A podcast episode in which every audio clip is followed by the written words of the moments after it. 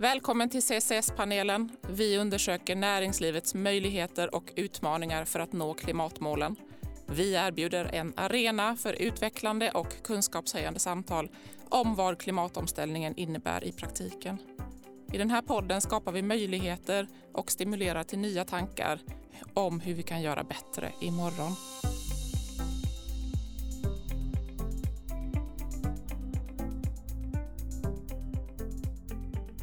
Välkomna, jag heter Sara Davidsson och idag pratar jag med Patrik Möller, VD på Core Power Ocean och Andreas Gunnarsson, investeringsdirektör på Midrock New Technology.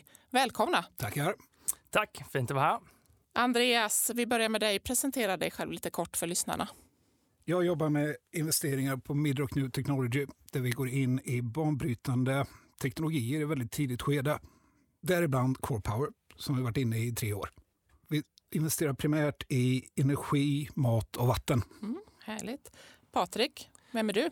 Patrik Möller heter jag. Jag är medgrundare och VD till eh, Core Power. Och jag är ingenjör och ekonom i bakgrunden och har drivit teknikstartups i eh, hela mitt vuxna liv. Och jag är ganska produktorienterad och systemorienterad eh, VD här i Core Power. Vad betyder det, produktorienterad och systemorienterad? Att eh, jag jobbar mycket med hur vi passar in i omvärlden, hur vi passar in i kraftsystemen och i energisystemen runt om i världen och hur vi får världens bästa produkt som faktiskt löser de problemen som våra kunder har där. I vårt samtal idag så fokuserar vi på klimatomställningen och eh, i det samtalet idag i samhället så återkommer några begrepp som viktiga delar av lösningen.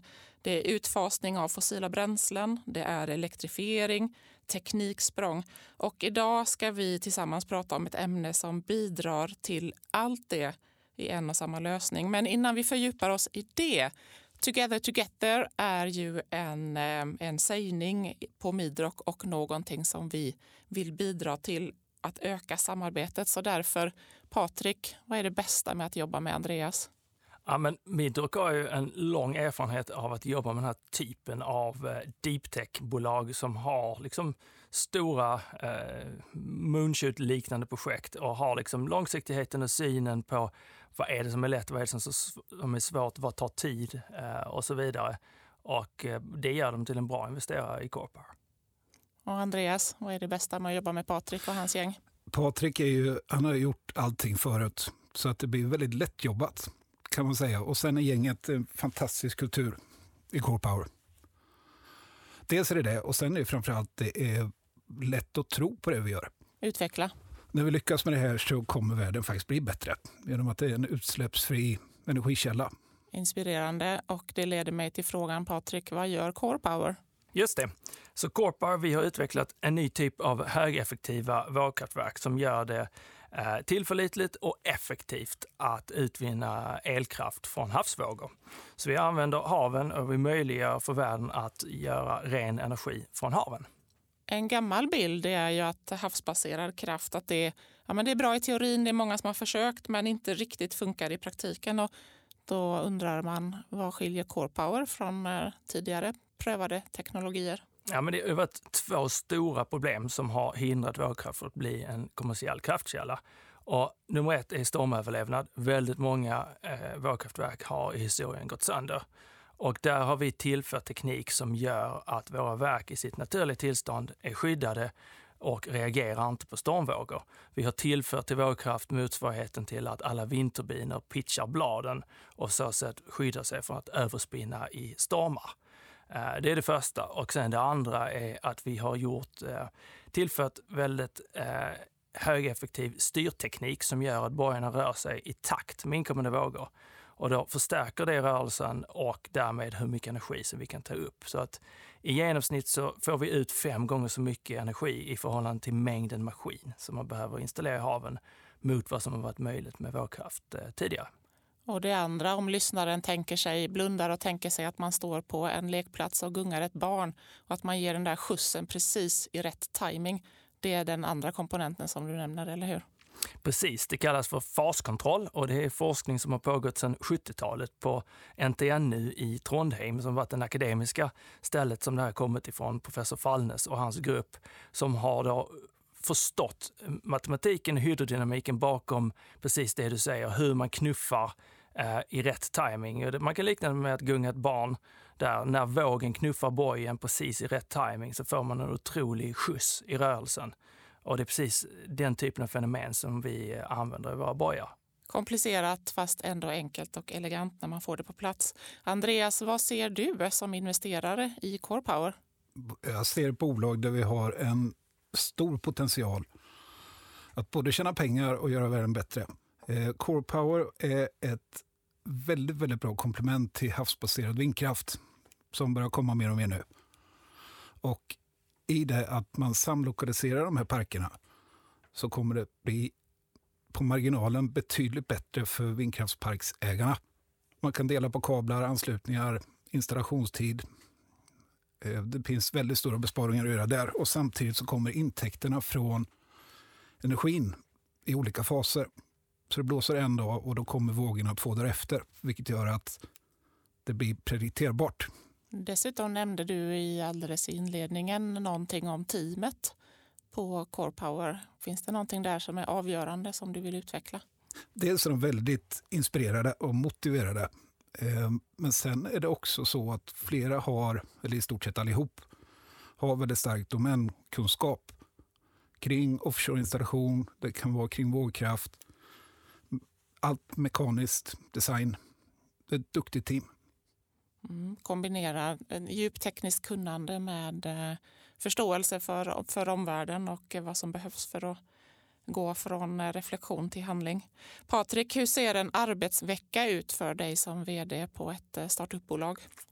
Ja, men det är faktiskt eh, otroligt eh, roligt just att det är så brett och man gör så mycket olika saker i eh, ett startupbolag. Men en typisk vecka, vi, vi börjar varje dag med en stand-up i maskinhallen, eh, all hands-möte där vi går igenom planen för dagen, vad ska testas. Vi kör ju tester med simulerade vågor i vår maskinhall i eh, Stockholm.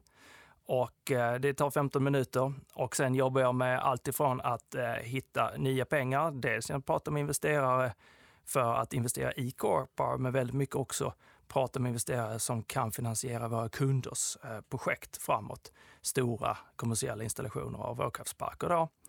Eh, sen jobbar jag en hel del med att hitta nya toppersoner från runt om i världen. Eh, vi jobbar med att hitta liksom, de allra bästa förmågorna. Vi är lite mer än 60 personer idag och 14 nationaliteter. Så ihop med Hanna Nordqvist som är vår Head of People så jobbar jag väldigt mycket med att hitta nya människor. Och sen så är det mycket kommunikation, eh, både digitalt eh, och eh, möten med kunder och beslutsfattare.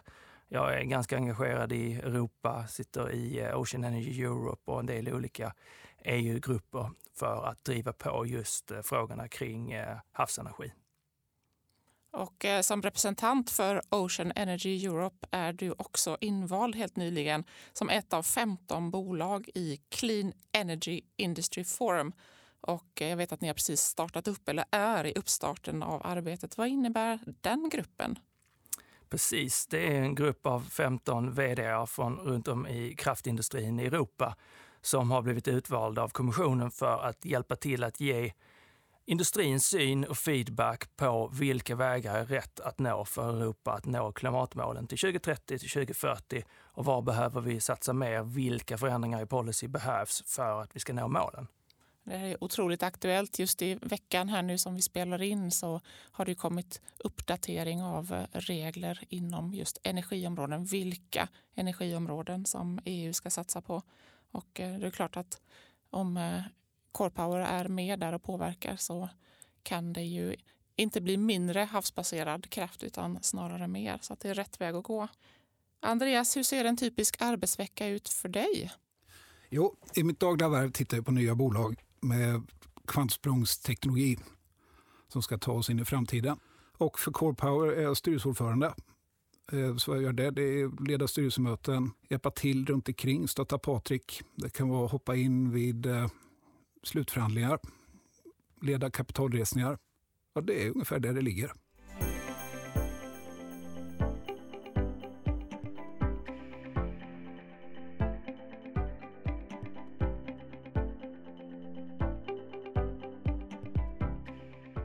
Då går vi in på Core Power idag. Vad händer nu? i bolaget? Vi är i en otroligt spännande fas nu. Vi håller på att slutföra testning och certifiering av vår första fullskaliga vågkraftverk. Då. Eh, och det är liksom första gången vi kommer till kommersiell produkt här. Eh, så för tillfället så håller vi på att göra torrtester av drivlinan i vår maskinhall i eh, södra Stockholm. Och samtidigt så tillverkar vi den första fullskaliga kompositbojen nere i vår fabrik i norra Portugal. Och här mot slutet av året så ska vi skicka ner drivlinan och sen i början av 2022 så ska vi installera C4 som vår nästa maskin heter i havet då. Sen jobbar vi med ett antal kunder då som utvecklar sajter eh, runt om i världen, bland annat Simply Blue Energy i Irland. Vi jobbar med Nell i Italien och EDP i Portugal. Och eh, tillsammans med dem så tittar vi då på de mest lämpliga sajterna för kommersiella parker eh, understödjer dem med att söka tillstånd, hur man ska göra nätanslutning, titta på geotekniska undersökningar och så vidare. Stödjer deras eh, projektutveckling eh, som typiskt sett tar 35 år från att man börjar titta på en sajt till att man har en investeringsfärdigt färdigt projekt. Då. Så att om vi blickar fem år framåt så kan det ligga kommersialiserade Core Power-bojar och faktiskt generera elkraft in i våra system runt om i världen. Absolut. 2025-2026 så ska vi se de första kommersiella parkerna i drift. Om vi pratar 2030. 2030 är en av de här hållpunkterna i klimatomställningen. Vad kan Core Powers bidrag vara dit bort?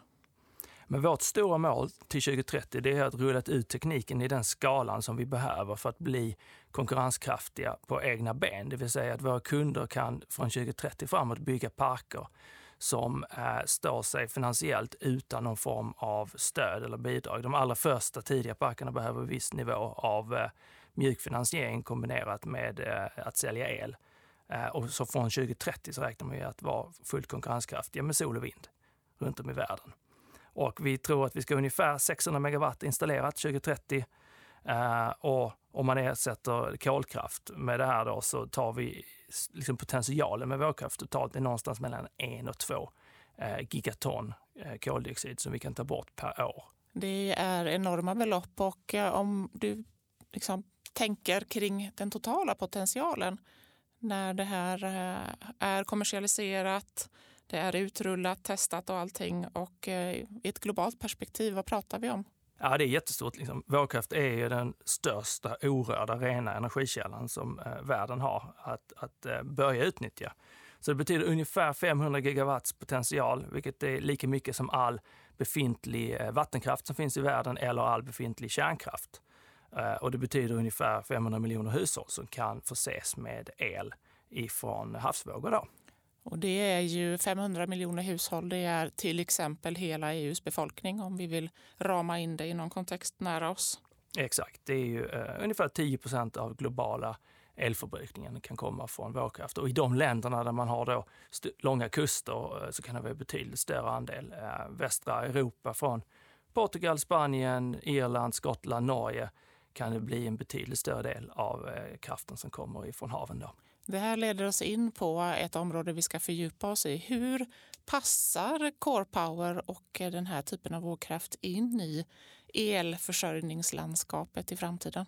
Men den stora utmaningen som världen står inför för att gå till 100% förnyelsebart består framför allt i att se till att man alltid har tillgång till ren el. Uh, utmaningen är inte så mycket den totala mängden el över året för att bara sol eller bara vind skulle kunna fixa det.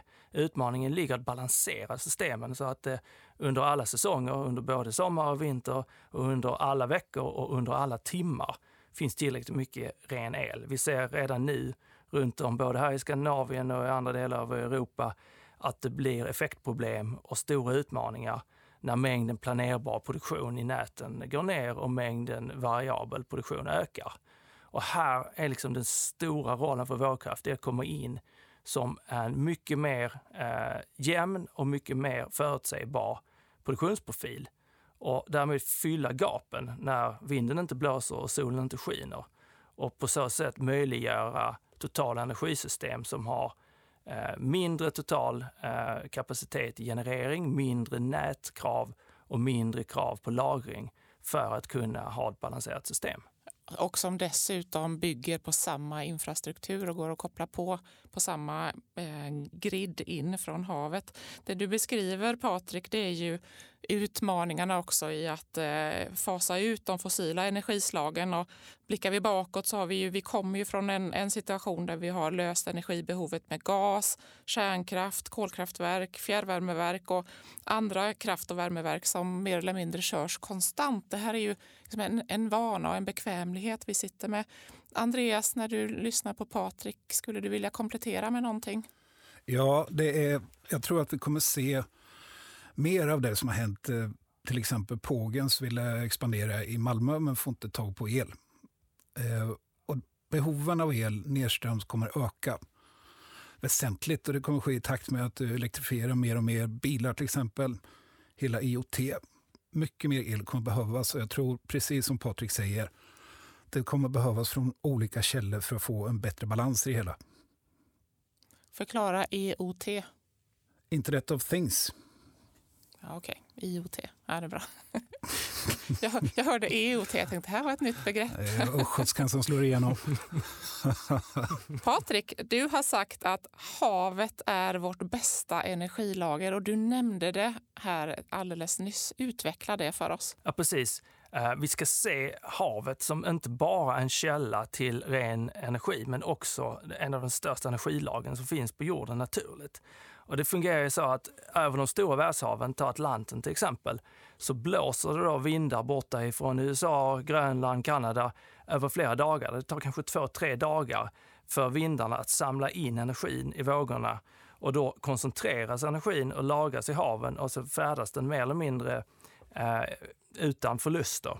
Och sen när då vågorna når eh, våra kuster, låt oss säga västra Europa, så är det otroligt lite korrelation mellan hur det blåser just den timmen eller den dagen med hur vågorna kommer in. Så på det sättet så fungerar haven som ett jättestort lager som solen driver vinden, vinden driver vågorna, vågorna lagras in i havet och fördelar ut och gör det jämnt. Och på så sätt blir ett gigantiskt energilager. Och det är det som vi kan dra nytta av när vi sen då tillför en ny kraftkälla som kan fylla hålrummen med, med när solen inte skiner och vinden inte blåser som vi sa. Jag tänker att när du beskriver det så här så är ju inte solkraft och vindkraft konkurrenter utan det är kanske också olika lösningar för lagring av el som batterier och vätgaslagring som blir konkurrenter eller också komplement. Håller du med om den beskrivningen? Absolut. Att tillföra mer vågkraft till mixen gör det lättare att rulla ut mer sol och vind i näten. Så det är verkligen eh, komplement på det saken. Det bygger vartannat.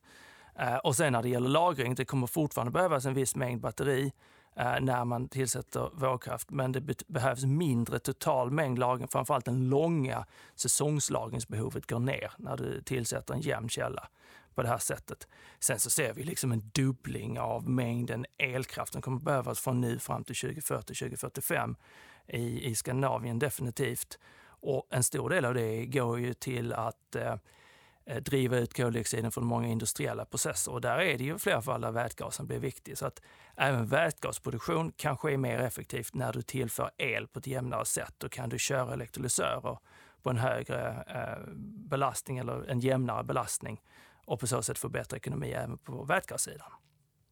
Ett plus ett är tre på flera ställen. Andreas, det här med att det blir mer predikterbar, mer förutsägbar elproduktion. Hur, hur viktigt är det här för dig som investerare och din syn på potentialen i Core Power? Det är jätteviktigt. Predikterbarhet är en förutsättning för industrier. Eh, och det leder till att man får bättre betalt för elen i slutändan. Och då blir det en bättre investering. Och då vinner alla. Ja. Hur ser marknaden ut, Andreas? Vem, vem köper en Core Power-anläggning? Det kan vara som så att någon känner att den vill expandera sin industri, går till sin elkraftsleverantör, gör PPA. Elkraftsleverantören ställer upp en park och kan därigenom garantera el. Eller så kan det vara pensionsfonder, olika typer av finansiella intressenter som smäller upp en park. Och den vägen sen går till elkraftsbolaget och säljer elen. Vad är en PPA? Power Purchase Agreement. Varför behövs det? Du måste ju veta att du får avsättning för det du producerar.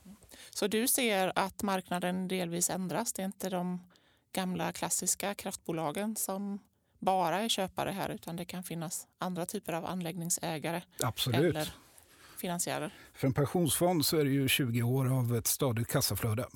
Så det är avkastningen är, den är ju rätt stabil över lång tid. Mm. Patrik, vad ser du för utmaningar i, i det här med, med, med lands, det befintliga elkraftslandskapet och det framtida och, och konkurrenssituationen för att boxa in utrymme för core power? Ja, men en av utmaningarna är ju att få fram den här möjligheten för eh, olika delar av världen att bygga betydligt mer effektiva Eh, elsystem som når 100% förnyelsebar el till en lägre totalkostnad. Men just den här systemsynen, att lyfta fram den, att få beslutsfattare och stora nätplanerare att se hur pass mycket billigare och mer effektivt det kan bli när man lägger till en mix av de här källorna och dra nytta av den mer förutsägbara produktionsprofilen. Det är väl en av våra stora utmaningar. Om, om du bara tittar på LCOE, det vill säga kostnad per megawattimme, så idag så är ju både vind och, och sol betydligt eh, billigare för att man har hållit på under en längre tid att driva produktutveckling och fått ner fått upp väldigt stora volymer och gjort det eh, industriellt väldigt effektivt. Och den eh, har vi framför oss, den utvecklingen. Vi, vi jobbar nu för att skala upp vår kraft och bli en fullt konkurrenskraftig källa från 2030 framåt. Och för att ta oss fram till 2030 så behöver vi då en viss stöd i de första kommersiella anläggningar för att det ska bli en, en positiv kalkyl för våra kunder att bygga dem. Då. Så det handlar ju om då att se möjligheterna för Europa, för länder och olika delar i världen att faktiskt eh, hjälpa vågkraften att komma upp i volym så att kostnaderna kommer ner.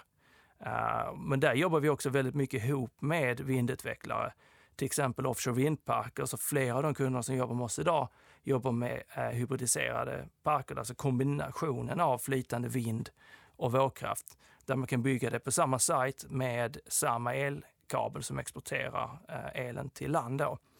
Och på så sätt få ner kostnaden för att bygga den totala parken och sälja en produkt, det vill säga elen i kabeln, som är jämnare, mindre variabel och på så sätt få bättre betalt för den eh, totala elen som du expanderar. Och det är ju traditionella elbolag, stora kraftutvecklare, Vattenfall, ett exempel från Sverige som jobbar med den typen av stora offshore vindparker. Men vi ser mer och mer intresse också från eh, olje och gasbolag som eh, har erfarenhet för hur man installerar och driftar stora installationer i haven och som har en jättemöjlighet att haka på både med då vind i haven och eh, vågkraft. Vi kan ju slå fast här i samtalet att eh, vågkraft Eh, och eh, Core Powers affär har ju en enorm potential. Du sa Patrik, 10 procent av globala elförsörjningsbehovet, eh, att det finns den potentialen. Men om jag då som lyssnar som en liten människa och bor i en inlandskommun, hur påverkar det här mig? Är det, det är jag som ska svara? Jag tror det. Ja, den här, det här var en öppen fråga. Den här, den här kom från en sån här skruvboll från höger. Den visste ni inte om. Och den här kanske inte har något bra svar, men jag tänker att en, en väg är ju via pensionsfonder kanske, eller just det här att intressera sig för vad pensions, ens pensionspengar investeras i och den typen av svar. Men det kan ju finnas andra potentialer. Så om Patrik vill svara ja. så Andreas kompletterar. Ja, men där skulle jag säga att som eh, elkonsument då, nu ingår vi ju i stora system. Hela Skandinavien, hela Nordeuropa är ju sammankopplat i ett elnät. Så att den stora möjligheten för Skandinavien till exempel, då, även om du bor i Norrlands inland, så är det en fantastisk möjlighet att norska kusten fylls med vågkraftsparker och på så sätt hjälper upp hela det skandinaviska nätet och accelererar övergången till helt ren energi som vi kan plocka ut ur våra elkontakter. Så bara för att man bor i, i, i inlandet betyder det inte att du, får, att du inte får nytta av vågkraften. Och rent övergripande kan man säga också med om nu pensionsfonder investerar så åtnjuter du ju på tid också intäkterna från den el som genereras. Så det är bra att ha koll på vart mina pensionspengar går helt enkelt? Det tycker jag absolut man ska ha. Okej, vi har slått fast att eh, Core Power har en enorm potential och det här är en banbrytande teknologi som vi, som vi kan använda för att fasa ut fossila bränslen, bidra till elektrifiering och så vidare. Men vi ska titta lite på det här, men hur får vi pusselbitarna på plats? För det är ju ett gemensamt tema för egentligen alla de samtalen som jag har i den här podden. Att att det handlar om att få in nya innovationer och ersätta gamla idéer med nya. Så jag, vill, jag är nyfiken på det här med hur vi övertygar samhället att vågkraft är en bra pusselbit, den perfekta pusselbiten in i framtiden. Med kontakter med myndigheter, policyskapare, offentliga medel, allmänheten och så vidare. Och eh, en del av detta handlar ju om att ha en gemensam målbild och vara överens om förväntningarna på varandra. det här är ju klassiska frågor i ett eh, styrelsearbete i det enskilda bolaget. Men om vi tänker oss att allt det här är på plats, hur gör man med sina externa intressenter? Andreas, vill du börja? Vågkraft har traditionellt haft ett väldigt dåligt rykte. Det är många som har bränt sig. Eh, teknologier har inte funkat och pengarna har bokstavligt talat gått i sjön. Eh, det Patrik och teamet här har gjort det är att påverka väldigt starkt genom seminarier, olika white papers, eh, mässor och även inte minst kontakt med politiker och bidragsgivare. Ja, Patrik, du är ju styrelsemedlem i Ocean Energy Europe och eh, du är delaktig i framtagningen av den europeiska färdplanen för havsenergi. Berätta om det arbetet. Ja, men absolut. Jag vill bara lägga till också i grunden för allt den här kommunikationen är givetvis en produkt som fungerar och levererar. Det är grunden för allting. Att fysiken finns där, att maskinerna finns där och att det är en konkurrenskraftig lösning i grunden. Men därefter är kommunikationen och arbetet med olika beslutsfattare otroligt viktigt för att få det att börja accelerera och rulla ut. Så jag jobbar i Ocean Energy Europe som är branschorganisationen för havsenergi i Bryssel. Jag sitter som vice ordförande i där och min roll är väl framförallt som talesperson för sektorn där jag är med och just jobbar på att förklara och beskriva fördelarna man kan få på systemnivå när man lägger till vågkraft, eh, ungefär som vi har pratat om här tidigare. Eh, och eh, det är väl en, en ganska stor kommunikativ eh, roll eh, som vi behöver ta där. Att få fler och fler att se att just det, det handlar inte bara om att bygga mer vind och sol och så, så slänger vi på lite batterier, utan det finns betydligt mer effektiva sätt att driva och accelerera övergången till helt rena energisystem. Det är ju eh, möten på väldigt hög nivå och eh, policies som påverkar oss som tar lång tid att få fram och, och så vidare. Men jag tänker, jag har hört att du jobbar med studenter och eh, lärosäten också. Ja, men absolut. Hela vägen från Corpars start så har vi jobbat nära universitet, eh, forskare och studenter. Vi har kört otroligt många exjobb eh, i Corpar, både från studenter på KTH som har den miljön vi, vi kommer ifrån från början, med väldigt många olika universitet runt om i världen. Eh, ett ställe som vi har fått otroligt många stjärnor ifrån är ju École Polytechnique i, i Paris, en av de bästa mattefysikskolorna i, i Europa. Och där har ju Corpar blivit lite av en snackis i att eh, ja, men det, det, finns väldigt många duktiga fysiker och matematiker i Corpar och det attraherar ju sen nästa generation av duktiga människor. Så eh, vi, vi, har haft en otrolig framgång i att testa olika personer genom exjobb och olika internship. Och sen då när man eh, ser personer som funkar riktigt bra i vår miljö så har vi erbjudit dem anställning. Så idag är vi väl en bit över 60 personer och mer än 14 nationaliteter där vi har lyckats ja, men handplocka riktigt, riktigt skarpa människor från runt om i världen. Ännu ett exempel på att eh, mångfald bidrar till innovation. En viktig del i ny teknik är finansiering också. Andreas, vad är din bild av eh, finansiering till eh, klimatomställning? Den är ganska god. Jag tycker det har eh, det har funnits relevanta program att söka sedan lång tid tillbaka. Och tittar man då i synnerhet på Core Power så är det väl tio år sedan vi började få in eh, bidragspengar. Och de där pengarna, eller programmen, de taktar också i utvecklingen för bolaget. Så i början är det kanske förstudier för hur botten ser ut, eller vad vet jag, eller man ska göra ankare. Och sen går det tid för tid och nu är vi inne på bidrag till eh, parker eller ställa upp eh, stora, stora men demoparker. Så det är gott, tycker jag. Det är otroligt skönt att höra. Och du har ju erfarenhet från Minesta också, ett annat bolag som Midrock investerat i sedan länge. Just det. Har du relevanta eller liksom, har du liknande eh, tankar därifrån? Core Power och Minesto liknar varandra väldigt mycket i sin resa. Det har varit liknande utmaningar. Det är liknande program man söker också för bidrag. Patrik, vad säger du om, eh, om, om finansiering? Och, och du, jag kan tänka mig att du jobbar mycket med det som du nämnde också i inledningen, att du jobbar mycket med att hitta finansiering och, och eh, få er framfart att, eh, att stöttas av relevanta investerare. Hur eh, beskriv resan för K-Power från ditt perspektiv? Absolut. Jag menar, att, att finansiera upp den här typen av projekt är ju en stor utmaning i grunden, i alla fall när man börjar och är obeprövad. Ju längre man kommer, ju lättare blir det kan man säga på, på många sätt. Men det är också stora mängder pengar som behövs. Så vi har ju jobbat väldigt hårt och strategiskt på att ta oss så långt som möjligt på, på mestadels mjuka pengar, det vill säga då, olika typer av forskningsfinansiering i, i bidrag och liknande. Och vi har jobbat på väldigt bra sätt och fått tidigt stöd från till exempel Energimyndigheten i Sverige, InnoEnergy från Europa, vilket varit helt avgörande för att vi har kunnat ta vågkraft genom de här tidiga stegen, bevisa för seriösa investerare att det här faktiskt funkar. Det finns fysik, det finns bas för att göra riktigt konkurrenskraftiga lösningar som kommer att bli då kommersiellt framgångsrika. Uh, och man, man ska ta det här så långt man bara kan med den typen av forskningspengar i, i min värld. Så att när man är kommit till den nivån att nu ska vi börja skala upp det, det finns bevis, då kan man välja på de bästa investerarna de, som verkligen eh, kan ta bolaget eh, långt och accelerera det. Det låter som att du har ett råd här till andra lyssnare som, som jobbar med ny teknik eller nya affärsmodeller eller annan typ av innovation. Eh, att gå mm, med stödfinansiering. Hör jag dig rätt? Ja, men det får man väl säga. Sådana här projekt kanske tar 10-15 år från första idé till att man har en kommersiell produkt att börja skeppa till kunder.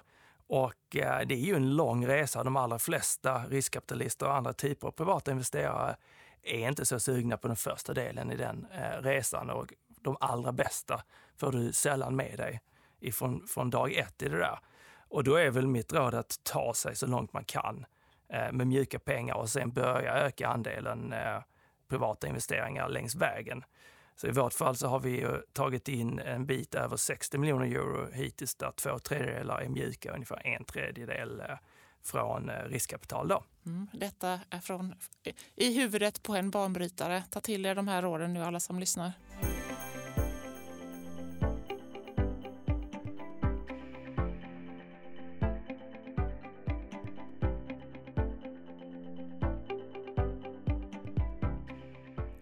Fredrik, jag är nyfiken. Hur kom idén till med Core Power? Ja, men det är en spännande historia. Det var en uppfinnare som hette Stig Lundbäck som var eh, hjärtläkare.